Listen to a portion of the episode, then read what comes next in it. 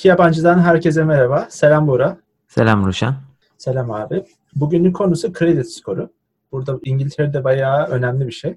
Biraz da sıkıcı bir konu ama önce istersen şeyi konuşalım. Neden önemli? Neden bunu konuşma gereği duyduk onu konuşalım. Aynen bir de kredi skoru çok insanlar tarafından bilinmiyor olabilir Türkiye'de yaşayanlar tarafından. Genelde biz bu terimi duymuyoruz ama yine Türkiye'de de bir kredi skoru şirketi var. Bu şirket bu işe bakıyor kredi notlarına. İnsanların kredi almalarında verilen kararları bu tür ajanslar belirliyor. Neden önemli? Çünkü kredi kartı başvurularımız olsun, yaptığımız kredi başvurularından aldığımız sonuçlar olsun hep bu kredi skorlarına bakıyor. Bu kredi skorlarını da iyi veya kötü bir şekilde elde etmek, biriktirmek bizim elimizde. Ama bu yurt dışında çok daha yapması zor bir işlem. Bu yüzden bu konuya girelim dedik. Bir de benim şu anki yapmaya çalıştığım startup da bu konu üzerine çalışıyor. Evet abi senin biraz uzmanlık alanına doğru gidiyor bu herhalde. Bendeki durumlar yani benim açımdan önemli ne dersen ben İngiltere'de kaç senedir yaşıyorum? 6 sene oldu işte şimdi. İlk geldiğim senelerde hatta ilk bir 5 sene diyelim ben bunu hiç bilmiyordum abi önemli bir şey olduğunu. Yani öğrenci olarak gelmişim zaten. Burada bir ev alma, araba alma ya da kredi kartı alma gibi bir planım yok. O yüzden hiç önemsemedim bunu. Geçen ay işte şeye başvurdum. iPhone almak için bir tane kontrat almak için başvurdum. Reddedildi çat diye. Sonra bir araştırdım. İşte kredi skorunuz düşük olduğu için reddedildi diyorlar. Aslında benim şeyim yok. Ben düşünüyorum mesela kendim neden reddedilmiş olabilir. İşte faturalarını geç yatırmış olabilir miyim diyorum. Öyle bir şey yok. Ya da bu, kimseye bir borcum falan da yok. Araştırdım baktım aslında buna pek alakası yokmuş. Hatta ufak ufak borç alıp vermek çok daha iyi oluyormuş kredi skoru açısından. Dolayısıyla önemsemediğim için mesela şu anda benim bunu üzerine çalışmam gerekiyor. Ki mesela ileride atıyorum buraya yerleşeceğim, araba alacağım, ev alacağım. Yani telefon bile alamazken bunları almayı düşünüyorsam benim burada bir geliştirme yapmam lazım. Dolayısıyla bu çok önemli bir şey olduğunu ben sonradan anladım. O yüzden buraya gelmeyi planlayanlar varsa mesela dinleyicilerimiz arasında bunun önemli olduğunu bilmeleri gerekiyor. O yüzden de benim açımdan böyle bir önemi var. Kesinlikle. Bu Türkiye'de buna bakan şirkete baktım. Kredi notu bürosu gibi bir ismi var sanırsam. Yine yani klasik bir ismi var. Genelde ülkelerde tek kurum veya birden fazla kurum bu işe bakabiliyor. Ve senin de dediğin gibi eğer ileride bir mortgage olsun, bırak mortgage'ı telefon yani senin örneğindeki geçerli durum telefon. Evet. Onun için bile bu skoru önemsemek e, bizim için önemli. Eğer ki bankadan bir para kullanacaksanız veya bu tür işte subscription based bir ödeme yapacaksanız. Türkiye'de genelde kredi notu dediğimizde yani Türkiye'nin kredi notu düştü, yükseldi gibi haberlerden biliyoruz bunu. Ama kredi skoruna dair bir şey duymuyoruz. Çünkü genelde bunu bankalardan krediden red aldım. Kredi diye adlandırmıyoruz bunu da. Yani işte bankadan herhangi bir para kullanmak istediğinizde, kredi kartı başvurusu yaptığınızda o red veya kabul nedeni bu skorunuza bağlı bir durum. Genelde telefon başvurularında Türkiye'de bu işler çok daha kolay yürüyor. Zaten aylık ödeme bazlı telefon kampanyası yurt dışına göre Türkiye'de çok düşük. Turkcell yapıyordu bir ara. Genelde ucuz telefonlar için yapıyor bunu ama yurt dışındaki gibi iPhone gibi üst klasman telefonlarda aylık küçük ödemelerle alabileceğiniz tarzda çok son senelerde mevcut değil sanırsam. Evet. Daha çok yurt dışında. İngiltere'de falan çok yaygın. Amerika'da da öyle. Çok yaygın. Bir de İngiltere'de çok daha fırsatlı bir durum yaratıyor bu kullanıcı için. Neredeyse aynı parayı totalde ödüyorsunuz ve üzerine aylık işte sınırsız konuşma, internet gibi hatta senin bu bulduğun en son bir kampanya vardı PlayStation'da bedava olduğu çeşitli böyle cazip 24-36 aylık kampanyalar oluyor. Bunun için bile sizin kredi skorunuz önemli. Tabii tabii aynen. Bu telefonu almak için çok önemli. Türkiye'de şey diyordun sen Türkiye'de mesela etkilemiyor mu sence? Hani telefon haricinde diyelim gene de kredi skoru etkili aslında. Etkili. Bu benim de çok Türkiye'de de olsun göz ardı ettiğim bir durumdu. Mesela e, kredi kullandığımda bir gün geç yatırmışım, iki gün geç yatırmışım. Bu tür durumları hiç sallamazdım ben. Evet. E, Türkiye'de çok fazla bankadan bu bankaya borç yapma gibi bir gaye gütmediğim için olabilir bu. Ama yani Türkiye'de de bankaların verdikleri kredi burada biraz kişisel karar da bu tür ülkelerde İsveç, İngiltere gibi ülkelerde de rol oynuyor. Yani yaptıkları genelde şu oluyor Ruşen. Kredi baş skor sisteminden senin kredi skoruna bakıyorlar. Ondan sonra onay veya red verme kısmı o bankadaki görevliye ve almak istediğin kredinin boyutuna göre değişiyor. Evet. Biraz Türkiye'de bankalarla ilişkini iyi tutarsan atıyorum bir bankada çok iyi bir tanıdığın varsa vesaire bu işleri biraz çözebiliyorsun. Ama genelde daha ciddi ülkelerde İngiltere, İsveç gibi bu kişisel başvuru pardon kişisel karar mekanizması daha da azalıyor.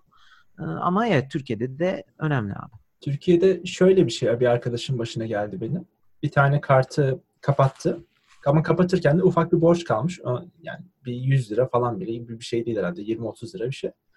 O borç abi bir 6 ay bir sene sonra işte ödenmediği için ona şey olarak döndü. Yani bankadan haciz olarak değil ama mesela tüm kredi kartı limiti sıfırlandı. İşte hesabına falan hani herhangi bir şekilde yeni bir hesap açma ya da kredi kartı alma şeklinde şey yapamadı ondan sonra ve sıfır kredi kartı limitiyle bir süre yaşamak zorunda kaldı yani. Dolayısıyla Türkiye'de de ufak şeylerden böyle bayağı sıkıntı yaratabiliyor bu durum. Aynen yani kredi kartınızın ne kadar limite sahip olduğu bile bu kredi skorlamasına dolayı oluşan bir karar.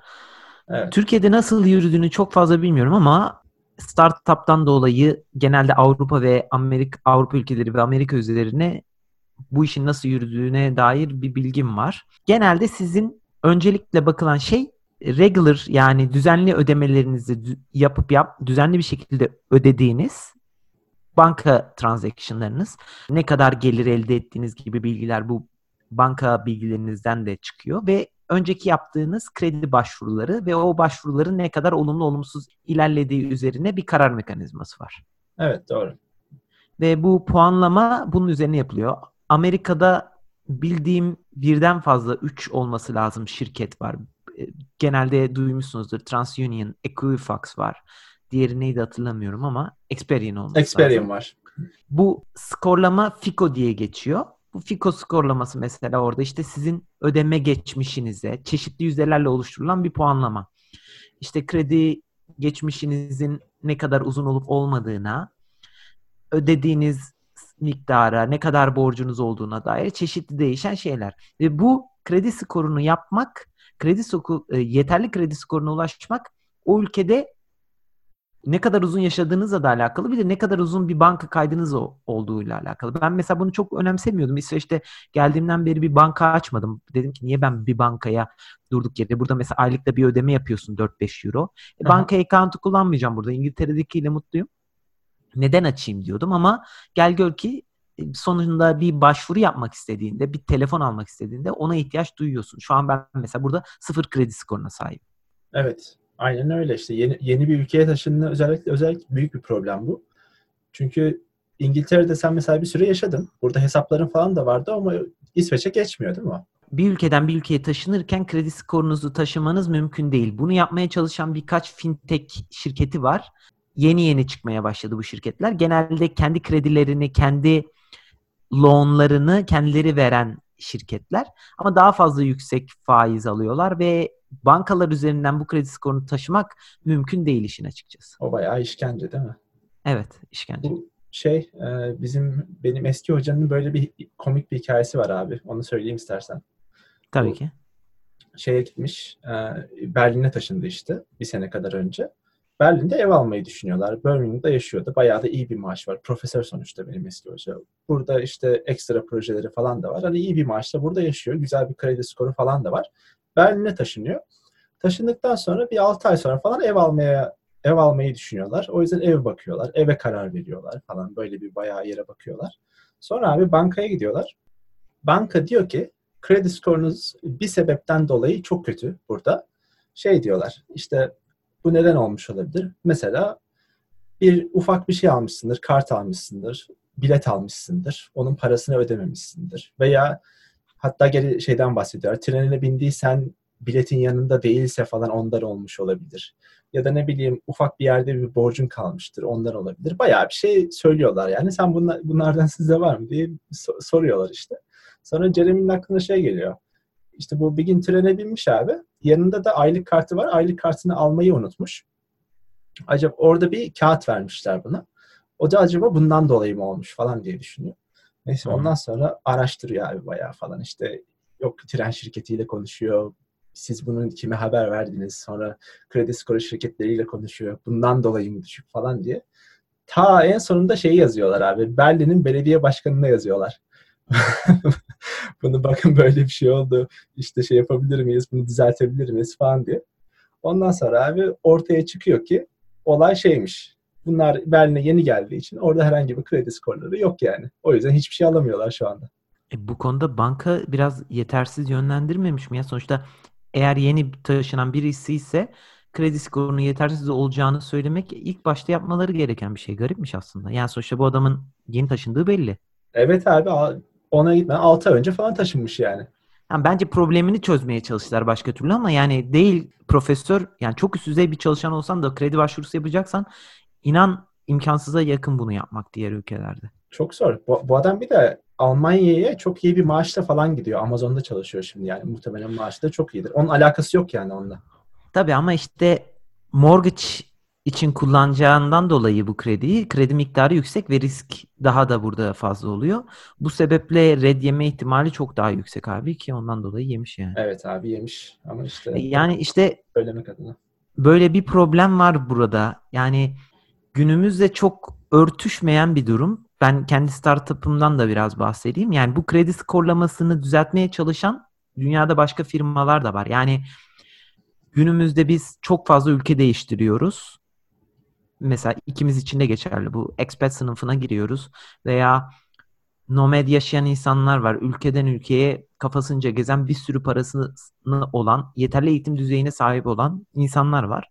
Aha. Bunların bırak mortgage normal kişisel kredi kullanmaları. Ha yani neden bu adam kişisel kredi kullanıyor? Ma- madem eğitim düzeyi yüksek ve düzenli bir işi var diyebilirsin. İnsanlar çeşitli hayat hayatlarında çeşitli nedenlerle krediye ihtiyaç duyabiliyorlar. Yani kimisi burada mesela düğün için krediye ihtiyaç duyuyor. Nak, nakit tutmuyor, nakiti vadeli hesaba yatırıyor mesela. Oradan onu bozmak istemiyor. Aynen. Bu da bir neden. Ya da Türkiye'de çok alışık değiliz ama öğrenim kredisi diye bir şey var yurt dışında. Genelde eğitim İsveç'te ücretsiz ama çoğu Avrupa ülkesinde ve Amerika'da ücretli. Yani evet. sen onu bir krediyle Amerika'da bir kredi alıyorsun. Geleceğe yatırım gibi öğre, öğrenimime yatırıyorum diyorsun. Çalışmaya başlayınca geri ödüyorsun bunu. Aynen öyle. Bir sürü bu tür, yol var böyle. Aynen bu tür kredileri ödemek için sizin sistemin düzenli bir işleyen parçası olmanız gerekiyor. Eğer onlardan değilseniz bu kredi skorunu build edemiyorsunuz kolay kolay. E, ben de dedim ki yani bu yetiye sahip insanlar eğer ki böyle bankalar kullanmıyorlarsa ki dediğim gibi bunu yapmaya çalışan başka şirketler de var. Biz başka verileri kullanarak bu kredi skorlamasını da yapabiliriz. Bu gibi veriler ne? Mesela Amerika'da bir Upstart diye bir şirket var. Benzerini yapıyor. Ama direkt business to consumer bir şirket. Yani krediyi kendisi veriyor. Diyor ki sen bankadan red yemiş olabilirsin ama benle kısaca eğitim ve iş hayatı tecrübeni, bilgilerini paylaş. Ben sana krediyi veririm diyor. Sen orada işte üniversiteni, iş tecrübelerini, ne kadar maaş aldığını vesaire giriyorsun. Peki bu şirket mesela sen seçebiliyor musun? Bankadan kredi alacakken bu şirketten al diyebiliyor musun kredi skorunu? Hayır işte bu direkt business to consumer olduğu için krediyi kendisi veriyor banka değil. Ha. Yani kredi veren bir kurum bu. Genelde bu işler son zamanlarda şöyle yürüyor. Mesela peer to peer lending şirketleri çıktı. Nasıl mesela bu? Senin bol paran var abi. O para üzerinden para kazanmak istiyorsun. Yatırım yapmak istiyorsun. Evet. Bu parayı yatırım amaçlı olarak bana kredi veriyorsun abi. Ben de sana kredi ödeyerek paranı arttırıyorum. Peer-to-peer lending. E, bunun için birkaç platform var mesela. Oldukça kullanılan. Onun haricinde yatırım direkt business to consumer dediğim yani direkt krediyi veren aracı kurumlar var. Veya bu kredi skorunu kendisi üreten bankalarla işbirliği yapan, yapmaya çalışan veya direkt ben sana özel bir kredi skoru oluşturdum. İşine yararsa istersen bunu bankaya gösterebilirsin diyen de şirketler var.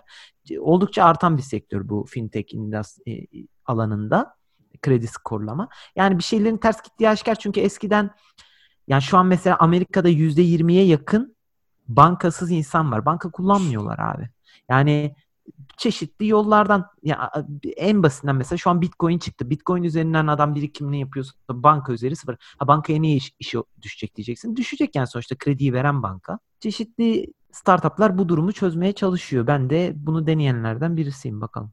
Burada yani bir problem olduğu çok aşikar ya. Mesela ben bakıyorum şeyde internette dediğin gibi. Çok eskilerden kalma bir sisteme benziyor abi bu ya. Yani mesela şey var. Diyor ki kredi kart, kredi skorunuzu yükseltmek için zaten bu aynı ülkede olmalı ayrı bir şey. Bir de ufak ufak borçlanmanız lazım. Ve diyelim ki ben zenginim ya da ihtiyacım yok paraya. Yani ben illa bunları mı yapacağım kredi skorumu yükseltmek için? Halbuki bankada bir sürü param var, çok iyi bir işe sahibim falan. Bunların hiçbir önemi yok yani. Burada bir altta yatan bir problem var. Bu da çok bariz. Kesinlikle. Yani mesela Amerika'da bir haber çıkmıştı en son işte dünya Amerika'nın en iyi kredi skoruna sahip adamı diye. Normal bir insan ama yani yüksek gelirli bir insan. Adam ultimate skora ulaşmış. Bu skora nasıl ulaşmış? İşte bir sürü bankadan kredi başvuruları yapmış. İşte zamanda mesela Amerika'da kredi kartı çılgınlığı var. Ben Amerika'da yaşamadım ama bunu biliyorum. Yani bir kere millerden dolayı her giden bir 30 tane kredi kartına sahip olan insanlar var ya. 30 Yok artık. adet. Tabii tabii. Yani çünkü çok avantajlı duruma gelebiliyor. Mesela uçan birisiysen sık. mesela Avrupa'da olsun ben de isterim. Ben mesela kredi kartı kullanmıyorum yıllardır hiç. Ama Avrupa'da benzer olsaydı mil avantajından dolayı kullanmak isterim. Çünkü adam diyor ki işte giriş 30 bin mil bedava. Şimdi bu mili sen direkt yıllık kredi kartı ücretine vurduğunda çok daha avantajlı duruma geliyorsun. Çoğu alıyor kullanmıyor abi ama başlangıçtaki işte e, gereken şartları yerine getiriyor. Sonra milleri kullanıyor. E, bu kredi kartı başvuruları mesela ondan sonra o kredi kartlarının düzenli ödemeleri mesela ne kadar çok kredi kartına sahip ol bir de onları ne kadar düzenli öde bu senin kredi skoruna o kadar yansıyor. Amerika'da bu düzen işliyor mesela. Kredi kartları da çok önemli. Yani işte bir şeyler ters orada dediğin gibi ve bu ters olan düzende şunu gerektiriyor. Sen bankayla çok iç, içi dışlı olacaksın. Kredi başvuruları yapmış olacaksın ve günü gününe bütün borçlarını ödemiş olacaksın. Evet. Bunun haricinde de şurada da bir böyle bir yumurta tavuk problemi var. Ben de o problemi çok anlatmaya çalışıyorum. Kredi historin, kredi geçmişin olmadan bir herhangi bir kredi alamıyorsun bankadan abi. Kredi almadan da genelde bu geçmişi oluşturamıyorsun. Yani genelde bunu nasıl yapıyorsun? İlk 3-4 sene artık düzenli işlemlerini, ödemelerini yapan bir insansan minimal bir kredi skoruna sahipsin. Ondan sonra yüksek krediler kullanmak istiyorsan bir, bir nevi kredi, küçük kredi alıp başlaman gerekiyor gibi bir durum var. Saçma sapan bir durum. Bu bazı ülkelerde daha güzel. Mesela İsveç'te sadece bu kredi yine çok traditional yürüyor bu arada İsveç'te bir dezavantajı var. 2-3 sene öncesinden 2-3 e, sene yaşamadan sen o kredi yeterli kredi skoruna sahip olamıyorsun. Ne yaparsan yap. Ama senin kredi kullanımındansa bankadaki işlemlerine bakıyorlar abi. Bu işte ne kadar aylık gelmiş sana, ne kadar aylık ödemeler yapıyorsun. Mesela bu ödemeleri günü gününe yaptım. Bu çok önemli mesela. Orada mesela sana maaşın ne kadar olduğu falan önemli mi? Peki İngiltere'de bu çok önemli değil gibi geliyor bana. İngiltere'de maaşın ne kadar önemli olduğu burada pardon İsveç'te önemli olmayabilir. Tam olarak bu kredi ajansları hiçbir zaman abi sana krediyi ne nasıl hesapladıklarını söyle. söylemiyorlar. Evet doğru. Ama maaşın çok önemli maaşından öte yani bir düzenli giriş olması önemlidir elbette ki. Çünkü yani sonuçta adama sürekli düşün 30 bin sek 40 bin sek aylık yatıyor maaş. Evet. Ya, yatmamasından bin iyi direkt bir 200 bin komple geleceğini, bunun aylık yapması, bir şirkette çalışıyor olman, bir buradaki UC şirketin adı, Credit Agency. UC bir de kişisel dataları da sahip. İsveç çok değişik bir ülke. O konuda da hızlıca bir bahsedeyim abi. İsveç'te mesela Hittase diye bir site var. Hittase'ye girdiğinde ben mesela hangi binanın kaçıncı katında, kaçıncı dairede yaşıyorum, telefon numaram ne, ondan sonra e, kaç aydır burada yaşıyorum, kiminle aynı evde kalıyorum hepsini public olarak görebiliyorsun abi. Ya oğlum çok kötü bir şey bu. Ha, yani çok ilginç bir şey. Ya işte, ben niye yani, kendi bu kadar private bilgilerimi insanlara veriyorum ki public bir şekilde? Aa, devlet veriyor işte sen vermiyorsun. Allah Allah çok saçma. Ha. Yani bunları da kullanıyor olabilirler bu kredi skorlamasında. Mesela şey var abi UC konudan konuya atlanıyor biraz. UC'de şey var. UC business to business veya business to consumer e, çözüyor bu olayı. Ama müşterileri de direkt bunu bir ürün olarak çıkarmış. Bu kadar publicly datamız mevcut diye İsveç'te. Evet. Benim adıma başkası kredi başvurusu yapabiliyormuş abi İsveç'te. E tamam zaten on, onu, ondan bahsediyorum. Bu direkt identity theft için mükemmel bir şey. Identity theft. UC de diyor ki sen bunu önleyebilirsin diyor ama aylık abi bir ücreti var. 8-9 euro subscription base. Sen, senin adına bir, Oğlum çok saçma. kredi başvurusu yapıldığında kredi başvurusu yapıldığında sana ala, mesaj geliyor. Ondan sonra falan filan böyle birkaç şey var. Bunu yapmazsan senin adına başvuru yapabiliyorlar ha. O ne abi? Bilgilerini Çok hem saçma. ortaya koyuyor. Millet çalsın kullansın diye. Ondan sonra korumak için sana şey veriyor. Pa- para vererek seni koruyor yani. E mesela geçen bize bir şey geldi. Sizin adınıza bir böyle kredi sorgulaması yapılmıştı. Ne zaman yapılırsa bu arada evine bir mektup geliyor bu arada. O Aha. 8-9 euroluk subscription dediğim bir şey. Ee, genelde daha ekstrem bir mekanizma veya engelliyor mu artık ne yapıyorsa. Bizim adımıza bir baş yani bir kredi sorgulaması yapılmış mesela. Ben sonra bankaya bir mail attım. Sesleri çıkmadı yani. Onunla da bir geri döneceğim. Kim yaptı Allah bilir veya banka mı kendi gerçekleştirdi ne. Çok fazla bu fraud application yapılıyormuş. Bu adamlar da böyle saflar abi işte. Saçmalık yani. Burada Saçmalık. İngiltere'de bu kadar şey değil ya. İngiltere'nin de kendine has olayları var mesela bu konuda. Hemen ben de kısaca bahsedeyim. Bu ama böyle fraud olayına biraz daha şey bakıyor. Burada privacy biraz daha iyi yani. Ama mesela İngiltere'de Amerika'dan farklı olarak sık sık kredi başvurusunda bulunmak kötü bir şey abi. Benim burada gördüğüm ve okuduğum. Bu ne demek? Mesela her 3 ay sen 30 tane kredi kartı alırsan burada sana bayağı kötü bir şekilde dönüyor bu. Çünkü arada, araya şey koy diyorlar. Süre koy diyorlar. Mesela en az en fazla 3 ayda bir kredi başvurusunda bulun. E tabi her kredi kartı altında bir başvuruda bulunmuş oluyorsun. Burada da şey var. Hard search ve soft search diye iki tane farklı olay var. Bilmiyorum sizin orada var mı? Hard search senin bir kredi başvurusunda bulunun anlamına geliyor. Yani kredi skoruna bakıyor bu banka veya işte Vodafone'dan ya da bir carrier'dan bir şey alırsın, telefon alırsın orada bakıyorlar. Ama bu senin hesabında bir iz bırakıyor. E tabii sen bunu sık sık yaparsan hesabında bir sürü iz olacak böyle ya da işte mark olacak. Ondan sonra diyecekler bu kişi çok desperate bir durumda. Krediye çok ihtiyacı var. Burada da 10 pound mu başvurmuşsun, 100 pound mu, 1000 pound mu başvurmuşsun hiçbir şey fark etmiyor abi. Sadece başvurmuş olman yetiyor. Sık sık başvuruda, bu kadar sık başvuruda bulmak kötü bir şey. Genelde araya 3 ay koy diyorlar. Soft search ama sen mesela ne yapıyorsun? İnternete giriyorsun, Experian ya da başka bir site. Diyorsun ki ben kredi skoruma bakmak istiyorum. Oraya giriyorsun mesela. Kendi skorunu kendin görebiliyorsun. Geliştirmek için ne yapman gerekiyor onu da görebilirsin. Buna da soft, search deniyor. Burada hesabında bir iz bırakmıyor. Bunu istediğin kadar yapabilirsin. Burada bir de şey var. Banka hesabı mesela borçlanma overdraft olayı var ya. Evet. Overdraft olayında da diyelim 1000 pound alıyorsun. %25'inden fazla overdraft'a girme diyorlar. Bu da iyi bir şey değilmiş.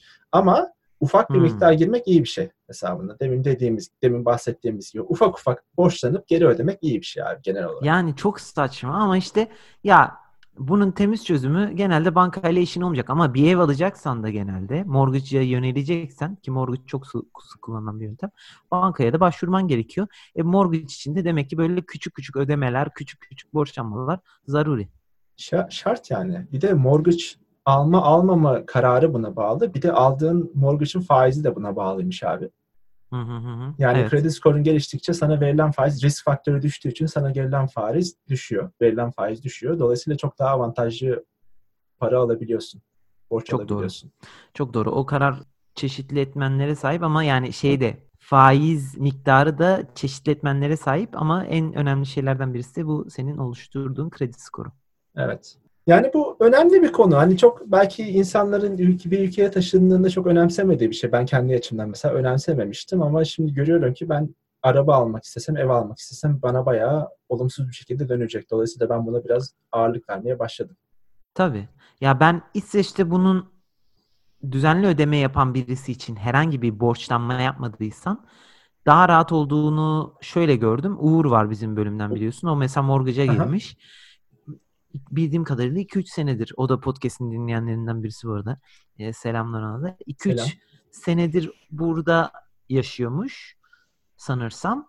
Yaşıyor ve yani herhangi bir borçlanması falan olmadan mortgage başvurusu işte kabul ediliyor mesela. Ama işte burada maaşının regularly yatması Hı hı. bu tür durumlar önemli ama farklı ülkelerde mesela Avustralya'da atıyorum belki diğer ülkelerde de bu e, implicitly çok İngilizce kelime kullanıyorum bazen de arka planda çaktırmadan kullanıyorlardır ama mesela mahkeme kararların vesaire bu tür şeyler de önemli.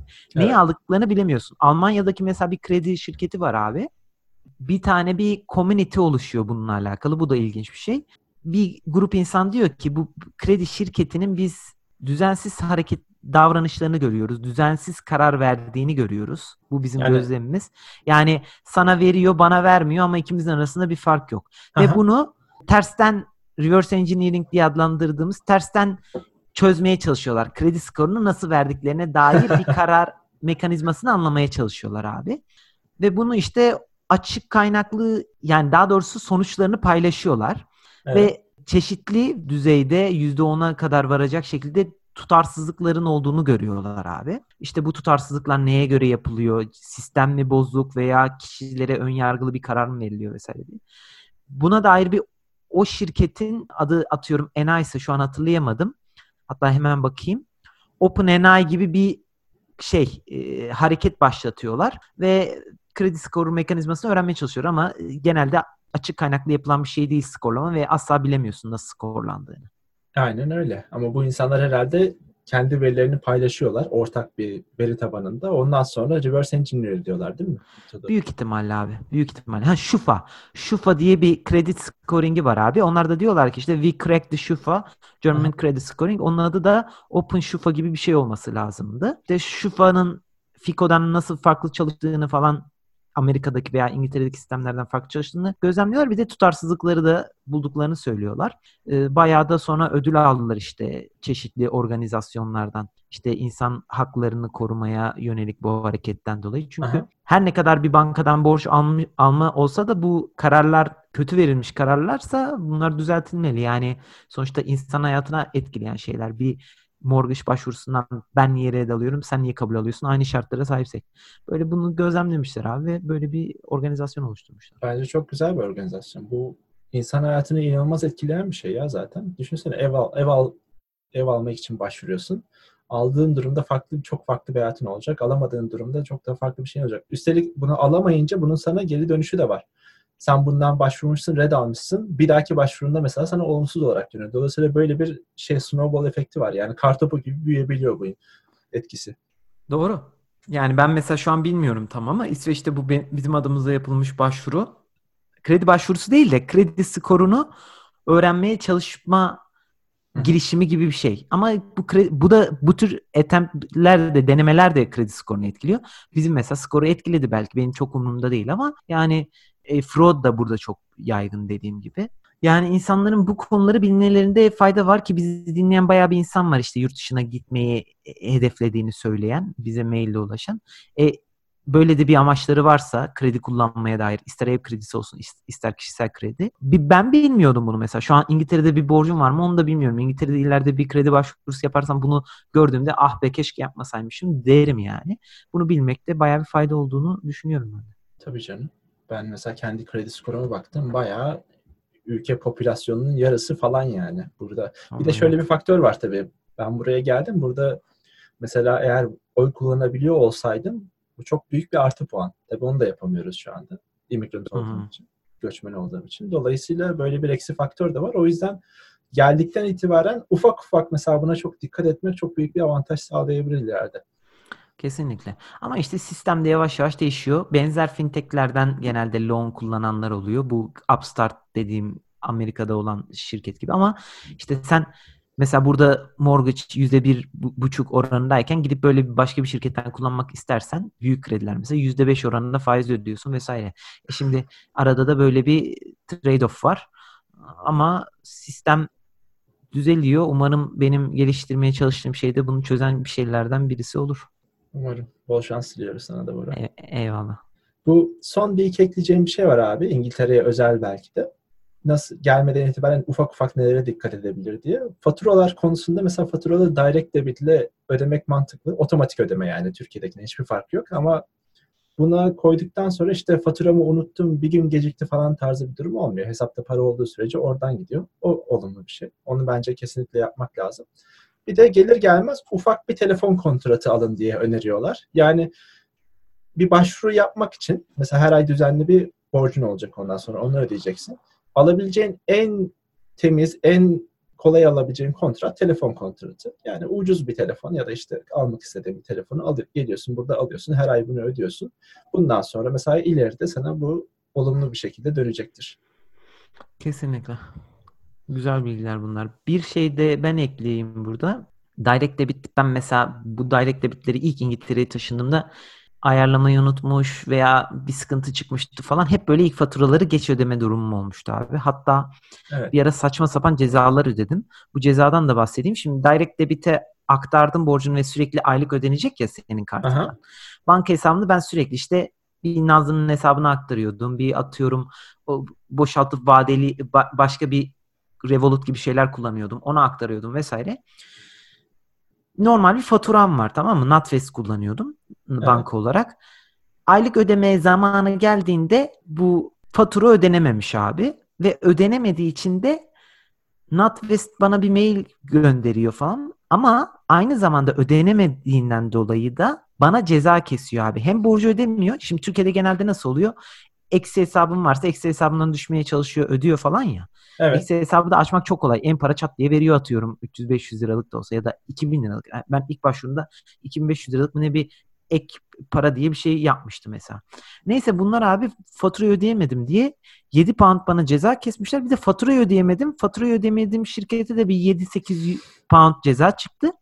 NatWest aradım diyorum ki ya hem faturamı ödemediniz Tamam yani. Hani okey para yok da beni niye cezalandırıyorsunuz abi? Yaptıkları hiçbir şey yok yani. 7 pound e, 3 fatura öyle gitmişti abi 21 pound ceza yemiştim. E, Sonra bir şeyler oldu. İki faturayı say, saydırmadım falan filan işte ben eksik bilgilendirdim falan onu da kabul etmiyorlar. 7 pound'a düşürdüler ama yani 3 faturadan 21 pound sen banka hesabında yok biz ödemeye çalıştık ama ödeyemedik diye sana ceza kesiyorlar abi. Hayır kendileri bir şey yapmış olsa sana tamam anlayacağım cezayı da öyle bir şeydi. Aynen abi yani beni niye sömürüyorsun işte. Ya bu arada şunu da belirtelim. Türkiye'deki bankacılık bunu herkes duymuştur yani büyük ihtimalle yurt dışı ile bağlantısı olanlar. Türkiye'deki bankacılık sektörü dünyanın hiçbir yerinde yok ya. Olumlu olumsuz? Olumlu bir şekilde. Yani evet. sen İngiltere'deki ban- yani bankacılık sisteminden gerek bankaya gittiğinde olsun gerek online banking olsun hiçbir zaman yani günlerce beklemen gerekiyor en basit bir şey için. Bankaya gidiyorsun hiçbir şeyi gerçekleştiremiyorsun. İsveç'tekiler de hiç mutlu değil. Hizmet sektörü zaten genelde ya Türkiye'nin en iyi olduğu şey nedir Avrupa ülkelerine kıyasla? Hizmet sektörü. Buna da en başında bankacılık geliyor bence. Kesinlikle burada e, şeyi örnek vereyim en kolay. Hesabına para yatıracaksın. Ben buraya taşındığımda şöyle bir sistem vardı. Hala da var mı bilmiyorum. Hesaba mektuba koyuyorsun abi parayı. Bu ATM'lerin altında ufak bir kutu oluyor. Oraya atıyorsun. Ondan sonra ertesi gün biri geliyor alıyor onu hesabına kendi geçiriyor manuel olarak. Öyle bir şey vardı ya ben de hatırlıyorum cidden. Oha abi ne kadar ya abi ne kadar antika değil mi? bazı bazı traditional şeyler Avrupa'da çok değişmeden devam edebiliyor ya çok garip. Çok saçma yani. Ya hizmet sektörü ya abi mobil uygulamaları mesela şimdi NatWest son zamanlarda falan düzeltmişti ama burada mesela Nordia'yı kullanıyoruz ya bir bankacılık arayüzü var abi online banka şeyinin uygulamalarının. Yani 100 yıl öncesinin eş, web siteleri gibi görünüyor. Yani inanılmaz kötü. kötü ya. Ha Çok ama şöyle de şeyler var abi. Burada mesela ödeme kişisel ödeme bu bankacılıktan ayrı İsveç için geçerli bu. Kimse burada nakit kullanmıyor. Onu başka bölümlerde zaten bahsetmiştim. Bahsederiz yine. Herkes burada ödemeyi bu kadar gelişmemiş noktalar olmasına rağmen herkes burada birbirine ödemeyi abi telefon aracılığıyla veya kart aracılığıyla, Swish aracılığıyla falan yapıyor. Kimse de burada nakit kullanmıyor abi. İsveç'te nakit kullanana denk gelmiyorsun. Bu da çok garip ama yani bankacılık sektöründe hala yapılması gereken noktalar var bunlarda. Yani ödemeler falan bir şekilde oraya ulaşmış teknoloji ama işte bankacının böyle çok antika yönleri de var. İngiltere'de dersin. İngiltere Avrupa'nın bankacılık yeri yani. Bankacılık Londra Avrupa'nın bankacılık açısından başkenti, finans finans başkenti. Ama işte bu bankaların böyle antika sistemleri var. Var. Bence İngiltere İsveç'ten daha kötü yani bu arada. Olabilir. Ben mesela İngiltere'de benim de benzer bir şey başıma gelmişti abi. Ta ben ilk geldiğim sene buraya bir tane fatura hesabımdan çekilmiş bu defa. Sana olan değil de mesela hesabımdan çekilmiş. Eksiye düşmüşüm. Bunun da farkına varmamışım abi. 21 poundluk faturaya benden bir hafta sonra 70 poundluk ceza kestiler. Ne? 70 pound abi. Niye abi? E bunun bir abi her, bir açıklama. Her 25 pound'un altındaki eksiye düşmelerde ya da işte şeylerde her gün 10 pound ceza kesiyorlarmış abi. Oha. Acaba benim de mi benzerdi ya? Düşünüyorum da Bilmiyorum. belki ben bir gün sonra fark ettim. Benim de benzer olabilir biliyor musun Nuşan? Yani Olabilir. büyük ihtimalle ya benim de eksiye düşmüş olabilir ya benim birkaç tane anım var böyle. Senin anlattığın çok benzer geldi. 70 pound. 70 pound abi. Sonra ben bankaya gittim. Ya ne oluyor falan dedim. Ben eğer böyle olacaksa başka bankaya geçeceğim dedim. Ondan sonra dediler ki tamam siz 5 pound verin geçin ama bundan sonra olmasın. Ya abi de bu tür durumlarda hadi sana da şey yaklaşmışlar. Bana da biraz hadi biraz çözelim. mi? Ama asla ellerinden kaçırmamaya çalışmak gibi bir durum yok. Gidiyorum restini oynarsan abi git umurlarında olmuyor. Evet. Şu- yani bizde mesela müşteri veli nimettir olayı Avrupa'da asla geçerli değil ya. Değil Adamlar abi. kıl- kılını kıpırdatmıyorlar kanka. Buna bu arada başka bir bölümde şey de konuşalım abi. Genel olarak hizmet sektöründe öyle. Yani Evet. Çalışma saatleri olsun vesaire. Yani bizde bir müşteri için adam dükkanı açık tutar saatlerce. Bunlarda hı hı. yani o dükkanın kapalı saati geldiğinde yani bu başka çalışan da değil. Dükkanın sahibi gidiyor abi oradan. Öyle. Bu şeylerde dediğim gibi farklı sektörlerde de böyle telefon konusunda da mesela Vodafone ya da herhangi bir başka carrier bir şey yaptın GSM, GSM operatörü. Mesela yeni gelen müşterilere verdikleri teklifler var olan müşterilere verdiklerinden çok çok daha iyi. Böyle reklamları falan da çıkıyor hatta. İşte adamın biri şey olarak kılık değiştiriyor falan böyle bir telefon telefon satıcısıyla görüşmeye gidiyor.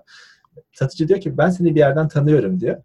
Eleman da yok yok ben yeni müşteriyim falan diyor. Ondan sonra geliyorlar abi herifin kılığını falan çıkartıyorlar. Başındaki bıyığını bıyığını çıkartıyorlar. Sen var olan müşterisin diyorlar. Bunu içeri alıyorlar ondan sonra. Böyle bir şey var yani. İyiymiş. Avrupa'nın cinslikleri. Evet. Neyse bugünlük yine süremizi açtık abi. 30 dakika deyip her bölümde 40-45'i buluyoruz. Ama Aynen öyle. umarım işe yarar bir muhabbet olmuştur. O zaman görüşmek üzere diyelim. Görüşmek üzere. Hoşçakalın.